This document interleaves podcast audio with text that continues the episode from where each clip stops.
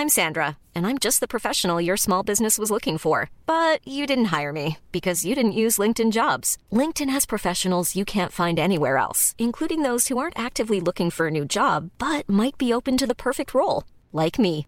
In a given month, over 70% of LinkedIn users don't visit other leading job sites. So if you're not looking on LinkedIn, you'll miss out on great candidates like Sandra. Start hiring professionals like a professional. Post your free job on linkedin.com/people today. Ryan Reynolds here from Mint Mobile. With the price of just about everything going up during inflation, we thought we'd bring our prices down. So to help us, we brought in a reverse auctioneer, which is apparently a thing. Mint Mobile unlimited premium wireless. Ready to get 30, 30, bit to get 30, bit to get 20, 20, 20, bit to get 20, 20, bit to get 15, 15, 15, 15 just 15 bucks a month. So, Give it a try at mintmobile.com slash switch. $45 upfront for three months plus taxes and fees. Promo rate for new customers for limited time. Unlimited more than 40 gigabytes per month. Slows. Full terms at mintmobile.com.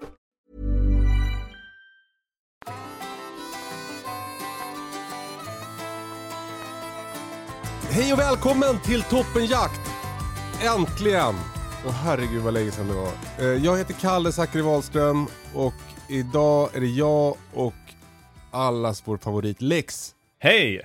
Hej! Hur är läget? Jo, det är bra, tack. Dagen före jul.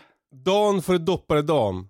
Ja. Vi håller på, väl, vi håller på väldigt mycket med dopparedagen här hemma. Alltså inte i något, Ja. på något snuskigt sätt utan att vi håller på så här och räknar ner.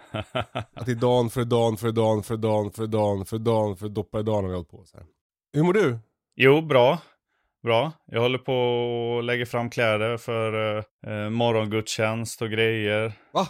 Det är så ni firar också, va? Ska du på morgongudstjänst på riktigt? Nej, det ska jag inte. Nej. Fast alltså, eh, ja, det kan man göra om man vill. Jag menar inget illa om det alltså. Men det är bara inte mig kanske. Ja, Jag blev bara förvånad. Ja. Ska ni vara hemma på jul eller? ja, vi ska vara hemma. Det har varit lite oklart. Det blir alltså lite svårt att planera nu tycker jag med ja, typ ja, covid-grejer och allt sånt där. Det känns som att det är ändå långt borta att de ska, försöka, att de ska ställa in en, en familjegrej. Eh, det känns mer som att det är för, för folk som går på nattklubb. Och där, det, där var ju, det var ju ett tag sedan man gjorde det. Det var ett tag sedan. det kan man säga.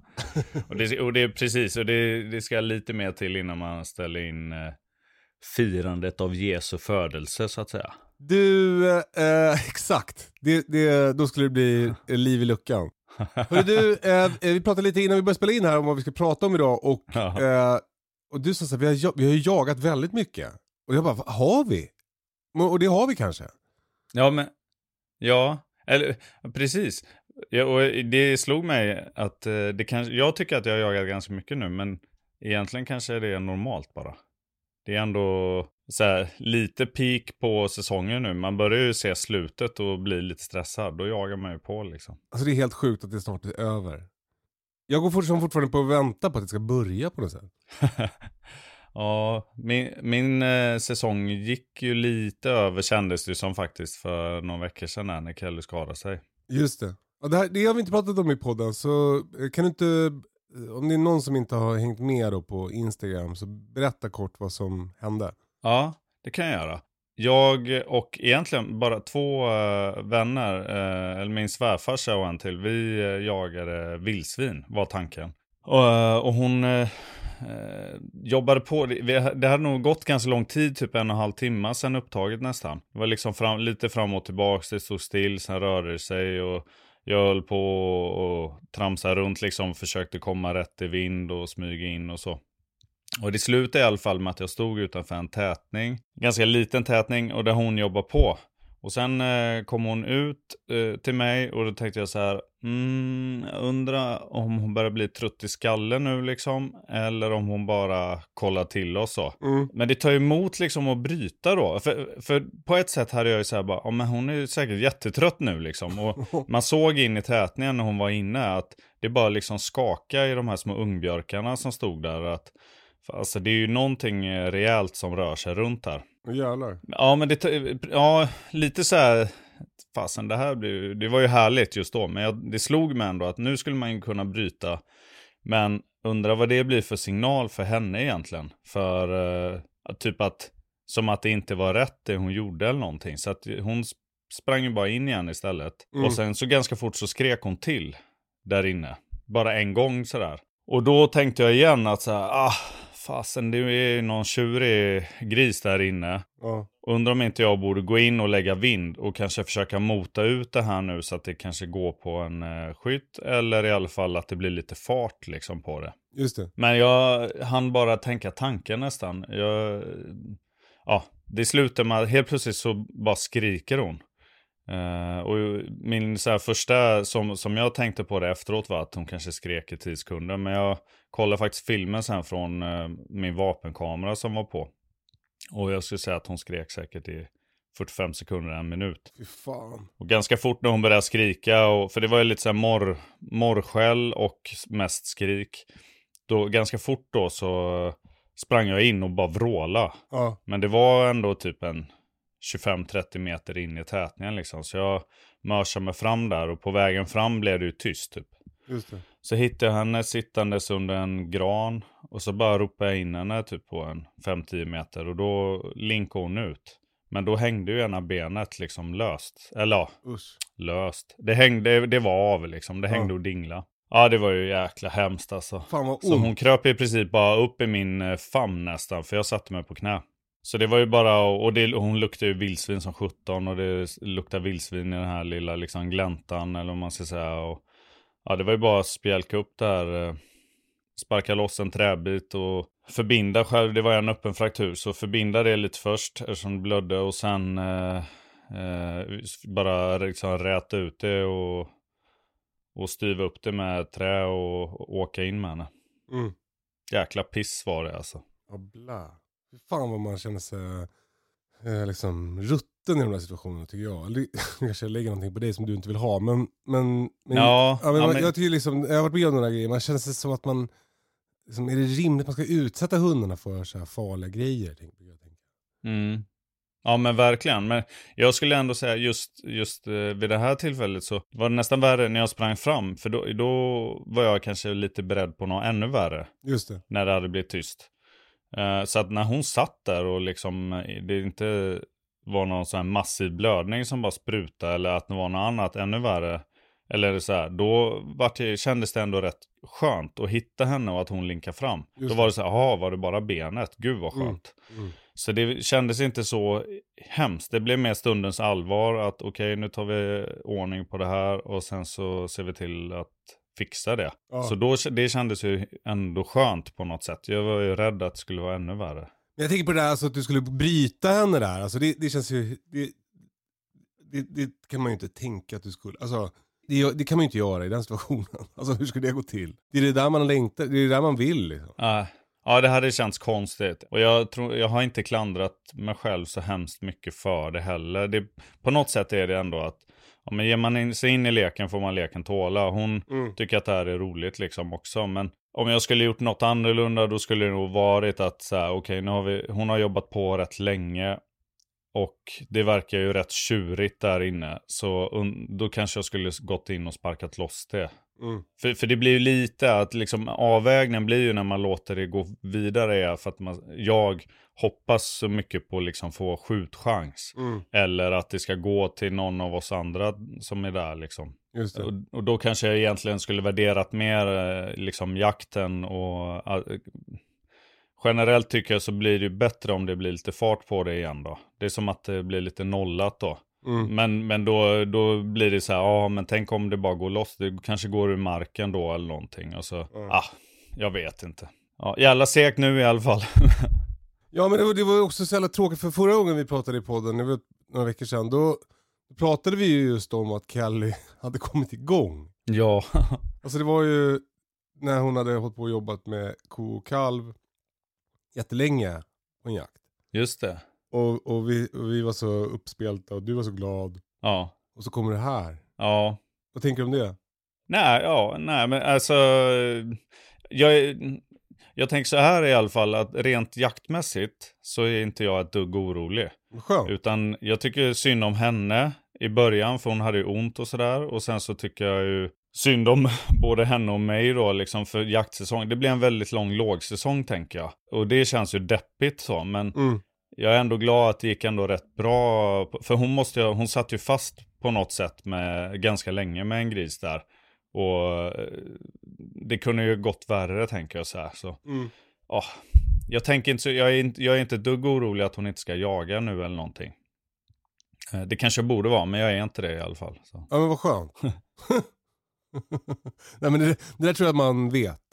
Alltså det tror jag att du vet. Du som känner henne. Ja, men ja, jag, jag är mer rädd att det kanske ska bli lite värre.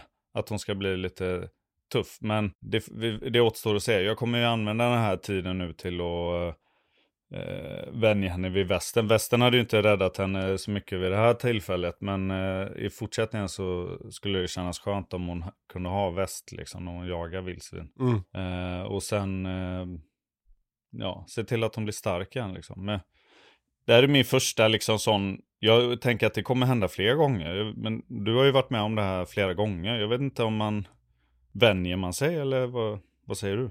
Eh, ja, men den stora grejen tycker jag är, eh, det, det är väldigt stor skillnad på att få en skadad hund när man har en hund eller man har flera hundar. Mm. Eh, just för att det där eh, jaktsäsongen är över-känslan.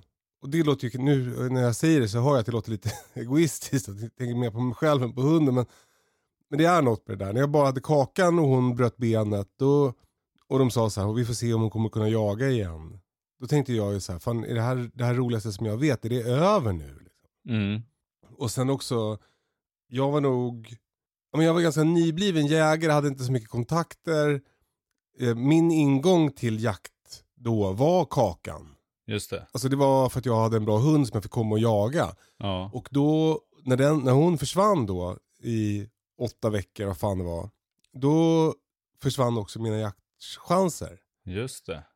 För vi har, nu har ju du lite mer så här, typ att du kan låna en hund av mig eller du kan komma och gå ändå. Eller, alltså för, vi, Ja. för, för vi är så pass, eh, liksom, eh, du är så, eh, vi- alltså vi är som ett etablerat jaktgäng med mycket Ja. ingångar. Men, men, men då var det svårare för mig. Så då, då Ja, var det det. nog mycket att det, det tog slut på riktigt liksom. Det, det, det blir en annan påverkan liksom. Ja. Men sen så, ty- jag tyckte också liksom jättesynd om, om Kakan. Framförallt eh, när hon hade av korsbandet. För då var hon också lite äldre. Mm. Eh, och det var lite så här. Nu kanske det på riktigt är över liksom. För, för korsbandsskador är så jävla svåra att få att läka bra och så. Ja, just det. Då tyckte jag väldigt, väldigt synd om henne. Men angående det där att hon ska komma till, hur hon kommer tillbaka. När, när Kakan hade blivit sprättad så att hon nästan dog. Ja. Eh, Då var, alltså, det, hon punkterade i magsäcken och mellangärdet och rispade på hjärtsäcken och så här. Då, då kommer hon tillbaka och var som att hon ville hämnas. Fast inte så att hon blev het utan att, bara, att hon blev ännu bättre på och ännu mer galnare i att jaga liksom. Just det. Så det var ju väldigt, det var ju skönt. Ja, det, man får väl liksom det, ja, lära sig eller inte, men man får hantera det helt enkelt. Mm. Och det måste jag säga med, som nu, är jag ju- eh, blir jag också blivit eh, rörd av det i efterhand, eftersom att det var ändå ganska glatt att det gick typ bra kände jag. Och sen så fick jag så himla mycket, ja men både från dig, från alla möjliga liksom, Mm. alla kompisar som du säger, hela liksom gänget och många fler än så, många har ju hört av sig och liksom så här, frågat hur det är, erbjudit lånehund. Och, och det har jag också, det har ju varit jättekul. Jag har ju jagat med flera hundar nu som inte jag har jagat med innan ens till exempel. Mm. Så det har ju varit lärorikt. Eh, Och eh, väldigt, ja, men snällt helt enkelt. Fina gester liksom från alla möjliga håll liksom. Ja, jag tycker att det är så jävla, det är nästan mina starkaste upplevelser i, i livet är liksom på jakten när något händer med en hund och alla verkligen släpper allt de har för att hjälpa till. Alltså, Mm. eh, jag har ju varit på jakter där hundar har blivit skjutna till och med och den där känslan av att alltså nu är det på riktigt, nu är det kris och alla bara eh, som jobbar mot samma mål. Det, släpper det de har, det, det är jävligt fint på något sätt. Ja, ja, det håller jag med om. Det, är också, det känns ju nedrigt att du, du har ju jagat gris, det var väl i Dalarna? Ja, precis. Det var, Det finns ju typ inga grisar där. Ja, ja det, det gör det ju. På sina ställen gör, finns det ju gott om dem till och med. Ja, nej men precis. Det kändes lite... eh, Alltså i samma såt har jag ju tidigare gått med henne och så har hon nästan oftast bara jagat älg. Och nu var liksom målet Mm. så här, vi, jag gick verkligen och försökte så här, spå, alltså handspåra, vad, vad är det hon, eh, vilka slag är det hon går på och så här saker. Och försökte väl gå där jag trodde att det var hetast då på gris. Så, ja, ja. Det, mm, Men vi har ju haft lite otur i, i gänget på sistone. Man har ju hört så här. Ja, för- Bonnie har också fått en skada, minns min gråhund. mm, Och sen vår kompis Henkans gråhund Essie, eh, hon blev också biten. ja, just det. Det är väl lite oklart vad som hände med Bonnie, men, men jag, jag skulle tro att det var, det var en, du sköt ju en, en gris för henne och Nadja eh, för ett par veckor sedan.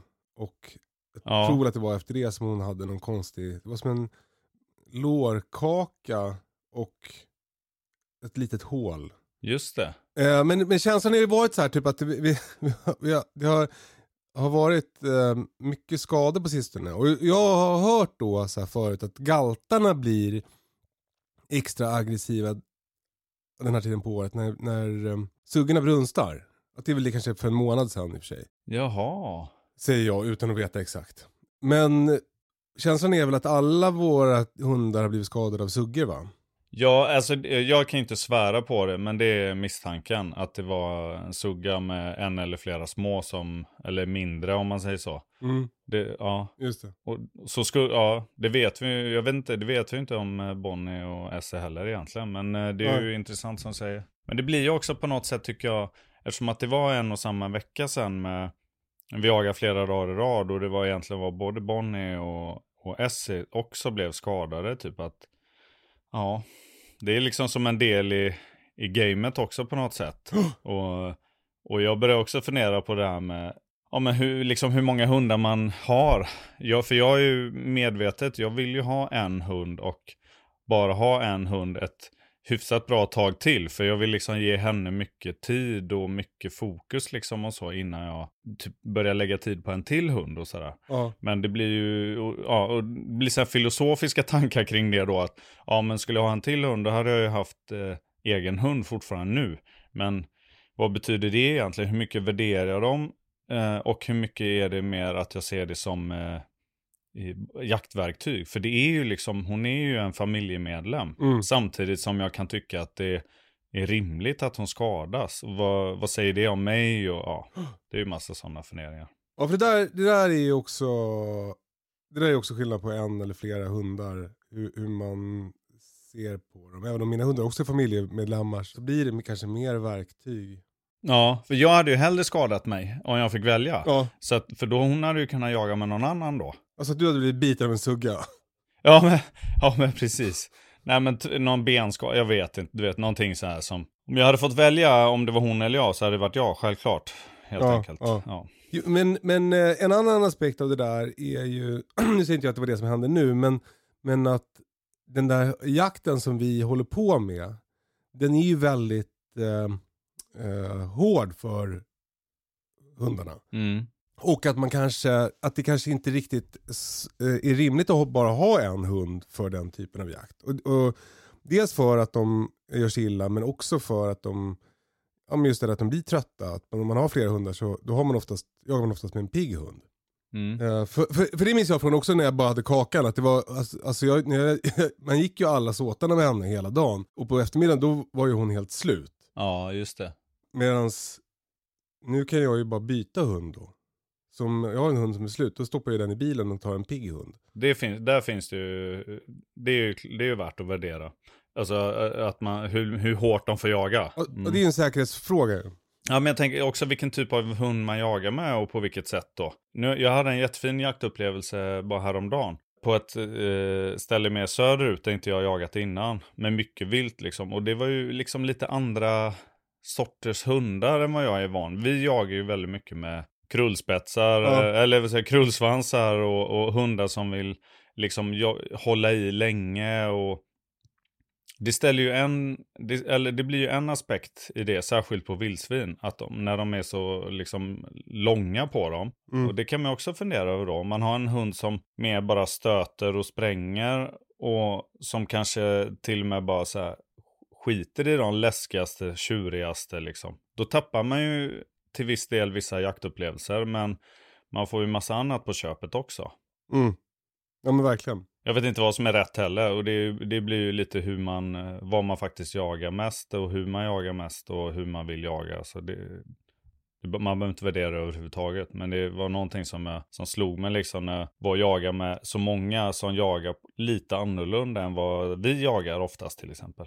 Men det kräver ju oftast då att man har viltrikare marker och ja, Ja, absolut. Ja, ja men lite. Och, kanske är en, att hundföreriet är mer för någon annans skull och sådär. Ja, ja och, och kanske att eh, hundarna blir lite bredare och alltså jagar lite mer allt klövvilt liksom, även rådjur och så här. Och, vilket eh, vid det fallet bara kändes ju eh, jättekul. Men, eh, men det är klart att det gör skillnad på en lite viltfattigare mark och där det kanske är vildsvin som liksom bjuder upp lite eller inte är så himla lätta att få loss till exempel. Då, eh, ja. Ja men exakt. Du, eh, får jag fråga, hur ser diagnosen ut för Kelly? Ja men den ser bra ut skulle jag säga, jättebra. Eh, hon, nu börjar hon ju få lite så här eh, myror i byxorna minst sagt. Hon tycker nog att hon mår rätt bra. Mm. Men egentligen har det ju gått halvtid om man säger på läkningen. Eh, så eh, nu är vi väl där det, det är dags. Jag tänkte att jag eh, på eget bevåg jag ska börja köra med en väldigt lätt klövjeväska och jag försöker gå mycket i skog med henne. Ganska efter ett par veckor ungefär kände jag hur muskelmassan hade ju klart minskat på den bogen på det benet. Så nu försöker jag liksom att eh, sakta liksom höja upp eh, belastning, kolla att hon eh, står eh, rakt över eh, benen och sådana saker. Jag, jag har inte haft någon bra tid, eller alltså fått någon bra bokning förrän tidigt nästa vecka börjar jag med sjukgymnastiken eller rehabträningen också. Men jag har ju mycket rehabträning jag kan göra själv också. Just det. Eh, och en del av den kommer säkert bli spårträning tror jag-. Alltså för att hon ska vara motiverad eller? Ja, nej, men för att passa på liksom. Hon får ändå inte jaga, men eh, vi kan ju göra hennes ganska bra näsa ännu bättre så länge till exempel. Och eh, det är ett bra sätt tänker jag att gå på ojämn terräng då måste lyfta mycket på benen och allt det där som är superbra för hundarna liksom. Och verkligen gå, Ja, inte bara gå på platt underlag ja precis. Så, det, men, så jag skulle säga så, prognosen är god. Jag ser inga, jag har liksom inte, jag tror att det största risken sen är att eh, dels så skulle jag kunna vara klantig och belasta henne för hårt för tidigt. Ja. Och så har hon liksom dålig, är hon dåligt musklad eller någonting. Och, så det skulle ju vara en risk. Men annars tror jag att den största risken är att hon eh, kommer få lite skav och sånt där. För det mycket, blir mycket ärrvävnad. Hela benet är ju uppskuret kan man säga. Hon har ju en stor platta inskruvad i benet liksom. Ja okej. Eller skena om man säger. Ja. Så, och det, det, jag har fått tips från folk som har eh, varit, hört av sig och så att det där kommer bli bra men det kan ju bli att de får lite mer problem just där kring ärrvävnaden och sånt. Och det är ju bara att hålla koll på det. Det finns ju olika sätt att sköta det liksom. Mm. Så att nu blir det väl lite vattentrask och sånt. Det ska bli kul. De, de känns ju inte så supersugna på vatten de här gråhundskorsningarna. Nej, nej. Du, eh, eh, fan vad hemskt men eh, du låter ändå som att du, du är vid gott mod. Ja, det skulle jag verkligen säga. Absolut. Alltså jag har ju till och med en liten eh, fåfäng idé om att när det har gått åtta veckor, då är det ju en vecka kvar på jaktsäsongen. Så skulle man ha skött rehaben riktigt bra, då kanske man kan klara i alla fall något släpp. Du känns inte som en kille som slarvar med rehaben Lex. Det här kommer gå vägen. ja. ja, tack för att du säger det.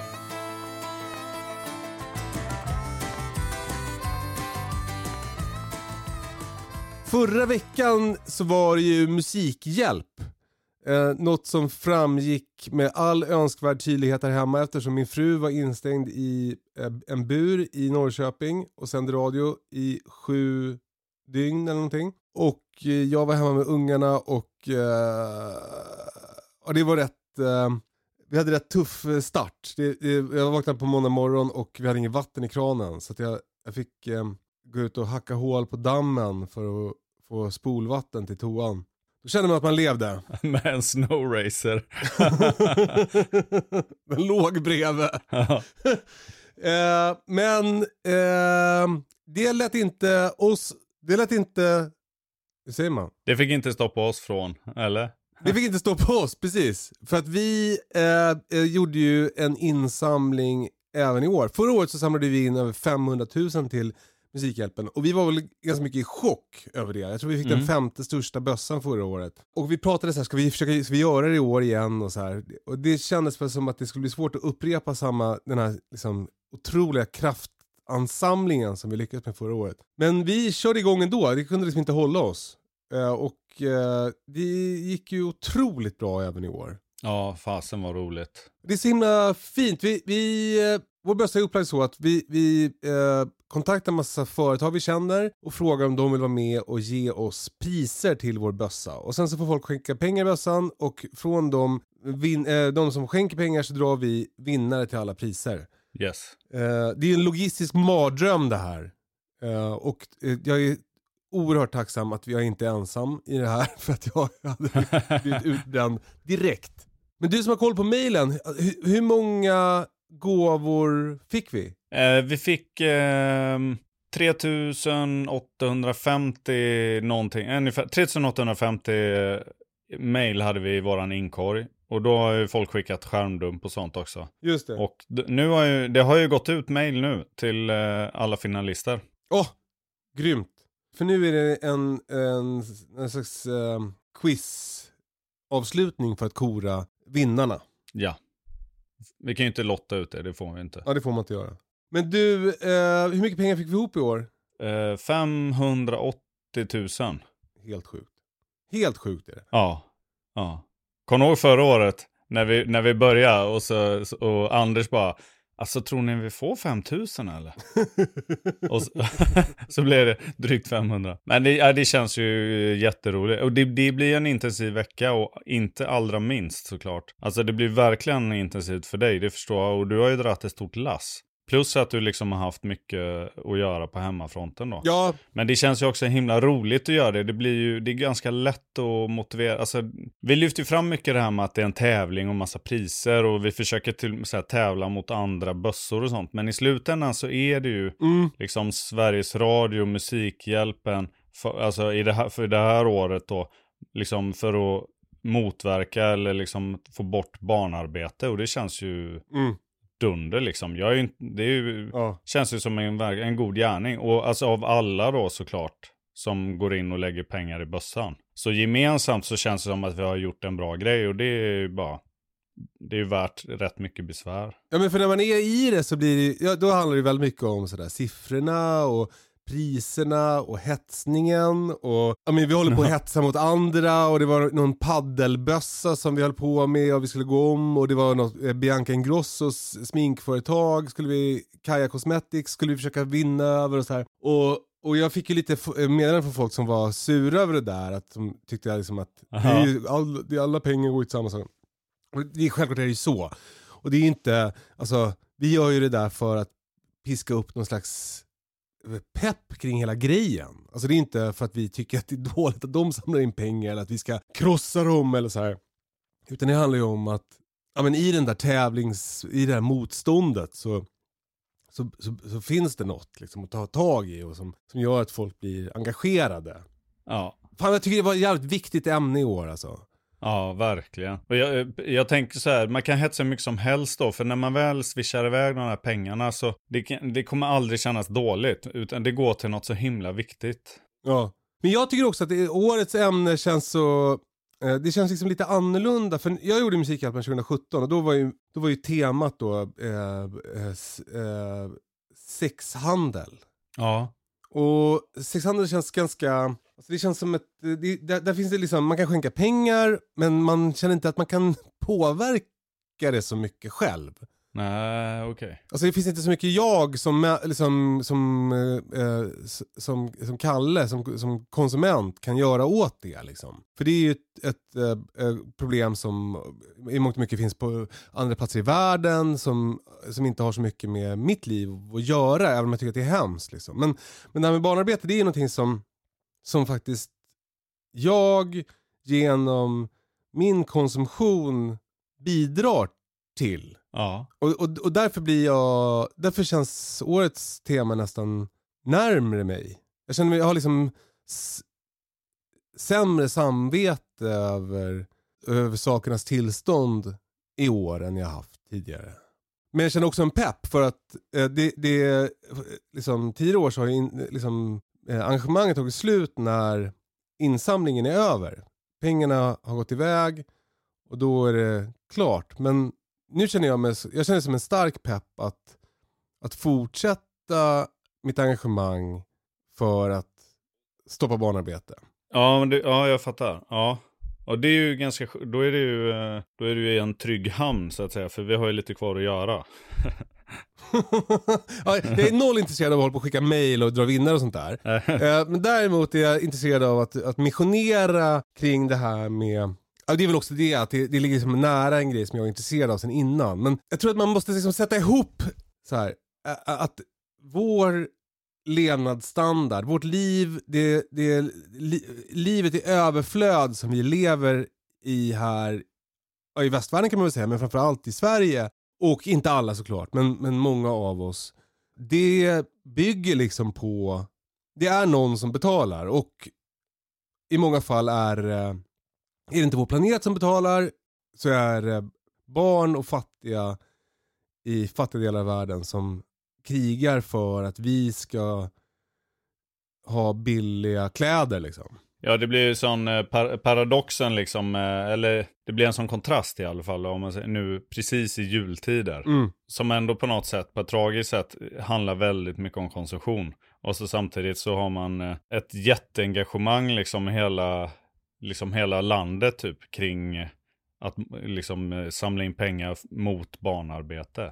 Men vad, eh, vad gör ni för skillnad? Alltså, eller hur tänker ni om man säger på ett privat plan kring det nu med tanke på att det är jul och så?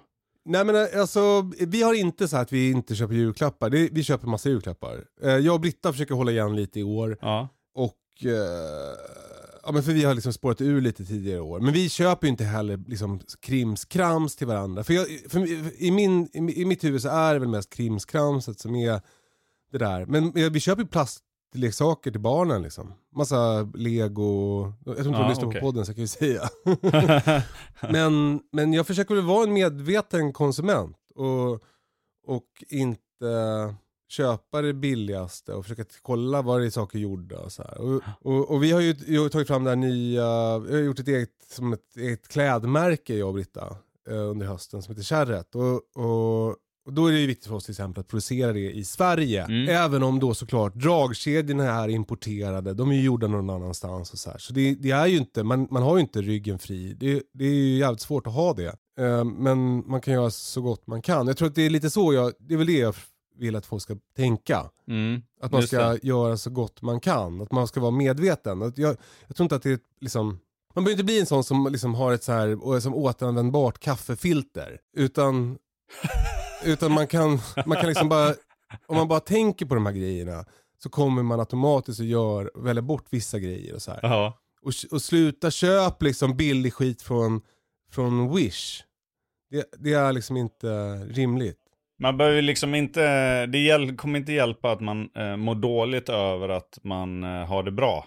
Eh, men däremot så kan, man, kan det hjälpa att man är en medveten konsument. Konsumentkraft är stark, Exakt, exakt. tänker jag. Exakt. Det gäller ju, här gäller ju liksom prylar och kläder men också såklart mat. Och, och mat är ju någonting som, är, där är ju väldigt tydligt så här. Ja men kommer det, är det liksom dansk fläskfilé eller kommer den från en gård med Ja. namn på grisarna?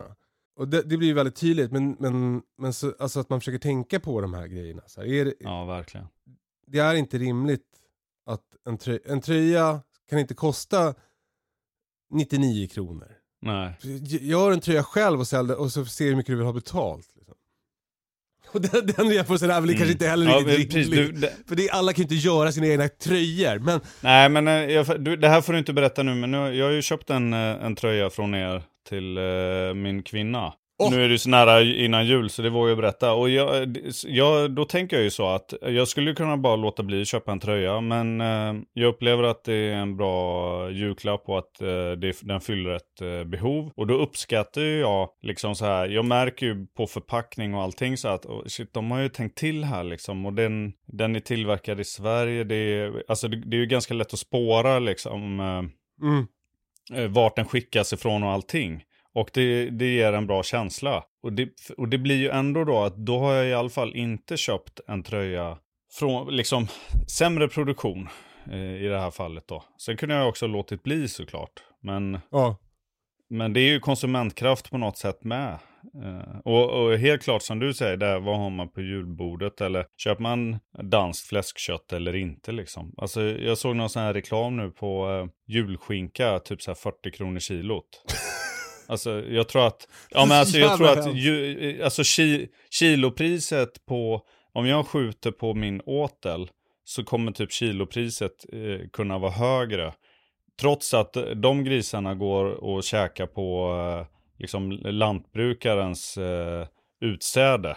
Ja, ja. Mest liksom. Eller och ekollon och allt möjligt liksom vad de käkar. Men de är också käkar eh, majs i mitt fall då. Och alltså det, det. det är helt orimligt. Det, är, Ja. det går liksom, det är mellanhänder och uppfödning. Det är eh, liksom, alltså det är helt orimligt att det ska kunna kosta 40 kronor kilot.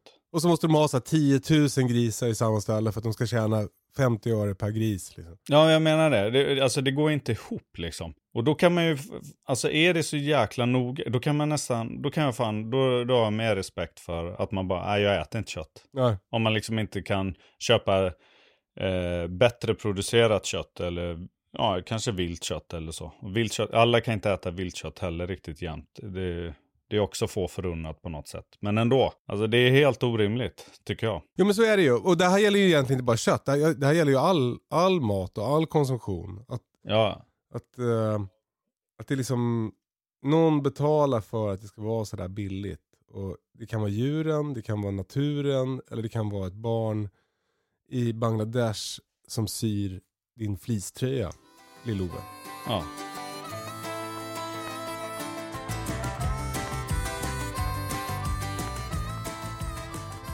Eh, Vi är ju lite inne på det här med julmat nu Lex. Ja, Och julskinka för 40 kronor kilot, eh, det hittar man ju inte på våra julbord. Eh, jag tänkte vi skulle prata om vad vi bjuder på för vilt i år åh, på julbordet. ja. Vad, vad, vad, vad håller du på och lagar?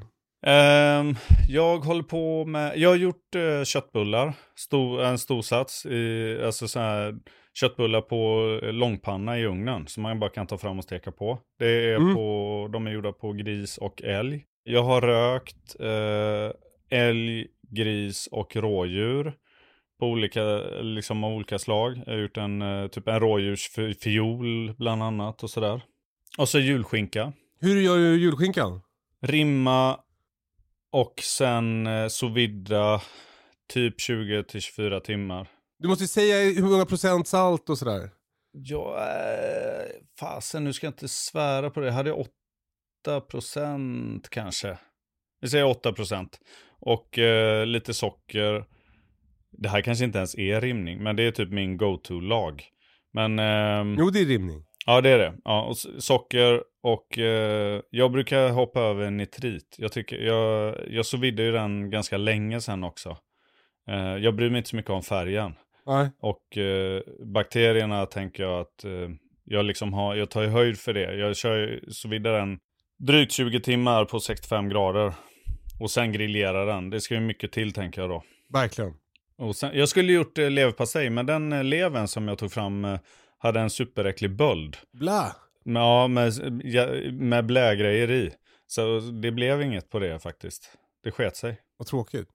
Eh, jag har också gjort, ja men jag har gjort samma. Jag, jag håller på och röker olika bitar nu. Jag var lite sen med allting. Så att jag, jag har bland annat några vildsvinsjulskinkor som kommer att bli eh, mer mellandagsjulskinkor. Men jag fick faktiskt också en, en, ett, en vildsvinsjulskinka av, ett, eh, av några som säljer så här lådor, typ jullådor. Åh. Eh, så den gjorde jag igår kväll. Eh, eller jag först körde den ett dygn i sous viden, 65 grader och sen så grillerade jag den igår kväll. Och den blev, den blev god, jättegod. Eh, jag, jag gillar nog lite mer sälta tror jag. Mhm. Eh, jag tror att det kommer bli det på de, de som jag gör själv nu. Och jag kör också 8%, 5, men jag kör nitrit. Så jag kör 5% vanligt. Nu kör jag 2,5%, så 7,5% Ja, eh, salt. Eh, så 2,5% eh, eh, nitritsalt. okej. Och sen så får det ligga då, och sen då tänker jag en centimeter per dygn. Ja, att- just det. Som salt, saltet tränger in. Men sen har jag tänkte på en grej, som du kanske kan svara på. Ja. Borde man inte kunna hitta en, en procentsats där det inte spelar någon roll hur länge köttet ligger i? Ja, det där har jag in, det kan inte jag svara på. För jag menar, det, kan ju inte, det kommer ju inte bli saltare än vad saltlagen är. Jag har ju lärt mig, eller jag har ju kört 8% för att, eh, för att, på tips av dig bland annat. Och för att det blir det aldrig för För jag, jag tycker det är otrevligt när det blir för salt. Alltså typ vissa saker som jag ska röka och sånt. Ja. Men jag kan, jag, jag är inte så påläst just kring eh, det här med, för jag, om, jag tycker att det är spännande med ännu lägre procent då också. Men jag vet inte hur det är då med, det har väl ändå en konserveringseffekt liksom hela saltningen. Så rent bakteriellt och sånt vet jag inte om man liksom är illa ute om man går för lågt. Det vet jag inte. Nej. Men jag tänker att man kan ju tjuva lite, för jag brukar tjuva nu ändå. Att jag, den får ligga i lag ett tag, men jag sprutar den också. Mhm. Så att jag kör inte riktigt på en centimeter per dygn-tänket längre. Utan den får liksom ligga kallt och ligga i lag. Men kanske inte riktigt så många dygn som det är centimeter till mitten om man säger. Utan eh, jag, jag sprutar den också. Och så Mm. går jag lite på känn. Mm. Så, så det går lite fortare då liksom. Det, det deppigaste som finns är ju det där när man har låtit något ligga i, i salt för kort, inte sprutat, så att när man skär i det så ser det som, man ser liksom kärnan är inte, Ja, just det. det är som en tydlig färgskillnad i Ja, kärnan på köttbiten. Ja. Hur, eh, hur röker du då? Ja, jag skulle just fråga dig. men, men jag kan säga att jag, jag röker i en, i en sån här elrökskåp. Ja, Alltså ganska länge generellt, men eh, jag, däremot så experimenterar jag en del med hur mycket rök jag kör. Så jag, det, sju, sju timmar i 77 grader brukar väl vara något så här mellan... Eh, eh, Det, det funkar på det mesta typ. mm. Men till exempel eh, rådjursfiolen nu, den körde jag nog i 7-8 timmar på 77 grader. Det blir lite ish eftersom att det, det var ganska kallt nu och då, de här, min, mitt elrökskåp är inte så väl isolerat så det, blir, det är lite oklart. Så då mäter jag ju um, innetemperaturen också med i köttet då. Och det kom liksom aldrig upp riktigt i den temperaturen så då fortsatte jag torka, eller liksom röka det hela natten men utan rök. Mm. Eh, så när jag väl tog ut det, då var det också, jag provade lite, det blev ju jättebra. Men eh, Vad kul. det, är liksom, det är ju lite mellan tummen och pekfingret. Jag har liksom inget färdigt så här, exakt så här gör jag alltid.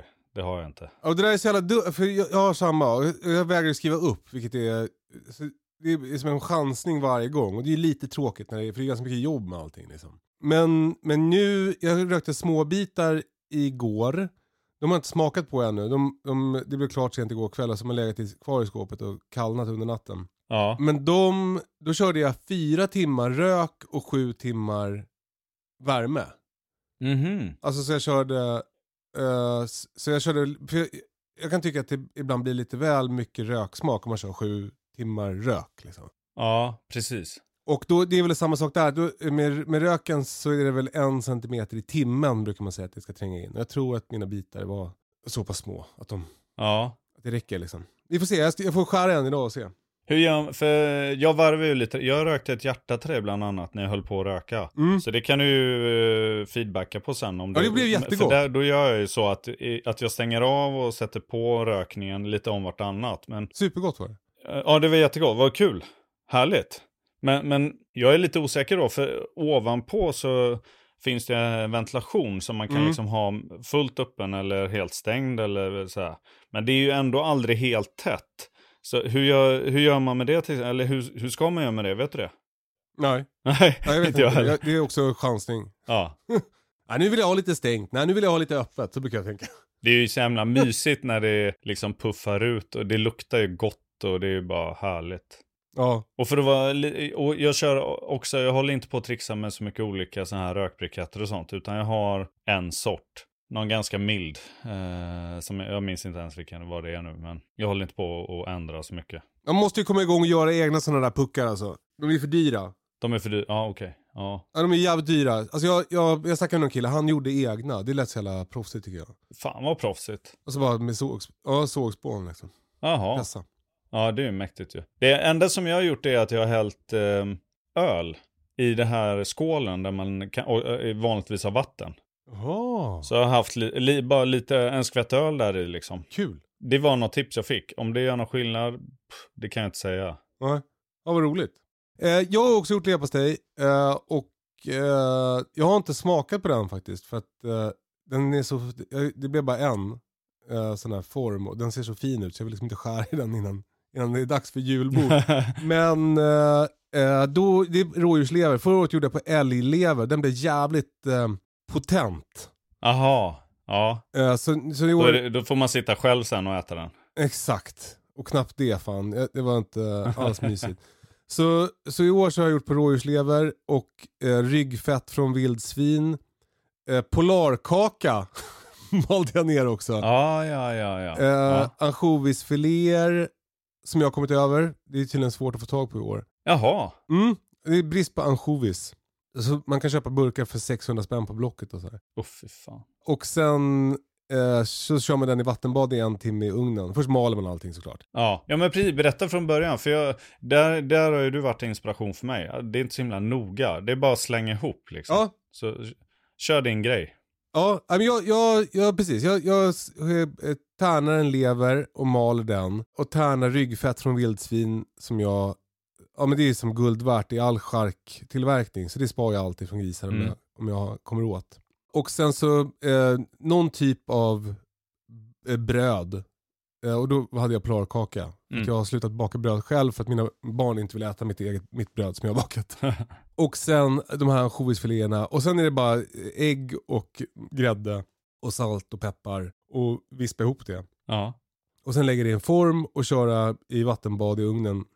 tills den är klar. Eh, man måste lägga på folie ganska snabbt också. Ja, ja, den blir bränd ja. Annars, eller hur? Precis, så man måste lägga på folie. Man kör tills man får en yta och sen så lägger man på en folie över. Mm, Och sen så låter man gå en timme och sen så svalnar den. mm. Och det brukar bli, det är en sån här grej som brukar, det, det blir fan, det, det blir otroligt gott. Mm. Alltså, eh, man, man, vissa grejer så här, när man gör egen mat så, så vissa grejer blir ju typ inte riktigt lika bra som köpe eller typ samma som köpe. Mm. Men aubergine och leverpastej, de, det blir fan, det är som en helt annan grej när man har gjort det själv. Fan vad roligt. Och det tar ju inte så lång tid, eller hur? Du bara, du, man smetar ihop det där och så in i ugnen. Det går rätt fort. Ja, ja verkligen. Ja, men det, det går jättefort. Och kul med barnen att mala grejer också. Det, det tyckte de var jätteroligt. Ja. Och så, men, alltså typ Björn kunde säga så här, Åh, luktar stor bajs, tyckte han mycket om, om rå- rådjurslever.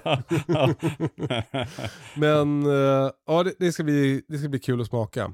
Och sen har jag älghjärtan, dovhjärta.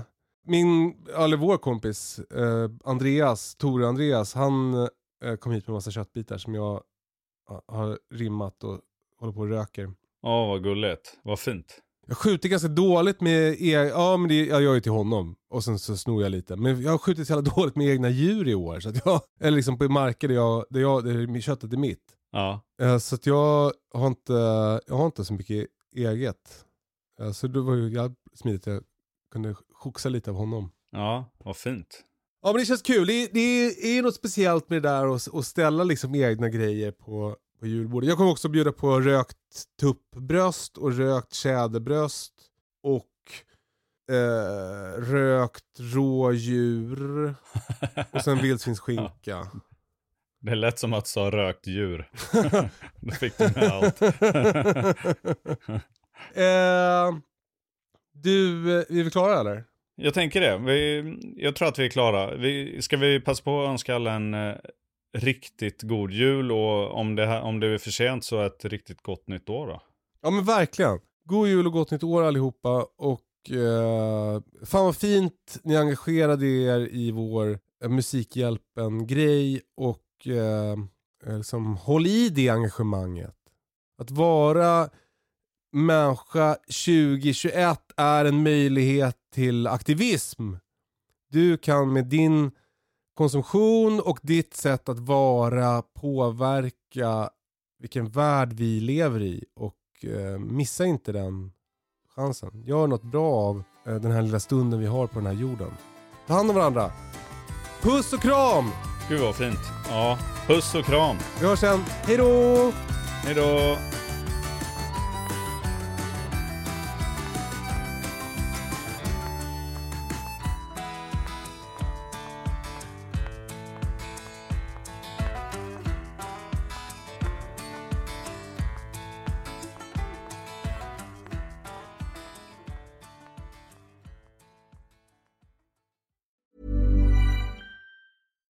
When we're on a budget, we still deserve nice things. Quince is a place to scoop up stunning high-end goods for 50 to 80% less than similar brands. They have buttery soft cashmere sweaters starting at $50, luxurious Italian leather bags, and so much more.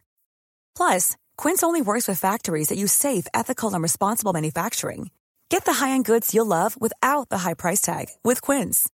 Go to quince.com slash style for free shipping and 365-day returns. Even when we're on a budget, we still deserve nice things. Quince is a place to scoop up stunning high-end goods for 50 to 80% less than similar brands. They have buttery soft cashmere sweaters starting at $50, luxurious Italian leather bags, and so much more. Plus, Quince only works with factories that use safe, ethical, and responsible manufacturing. Get the high-end goods you'll love without the high price tag with Quince. Go to quince.com slash style for free shipping and 365-day returns.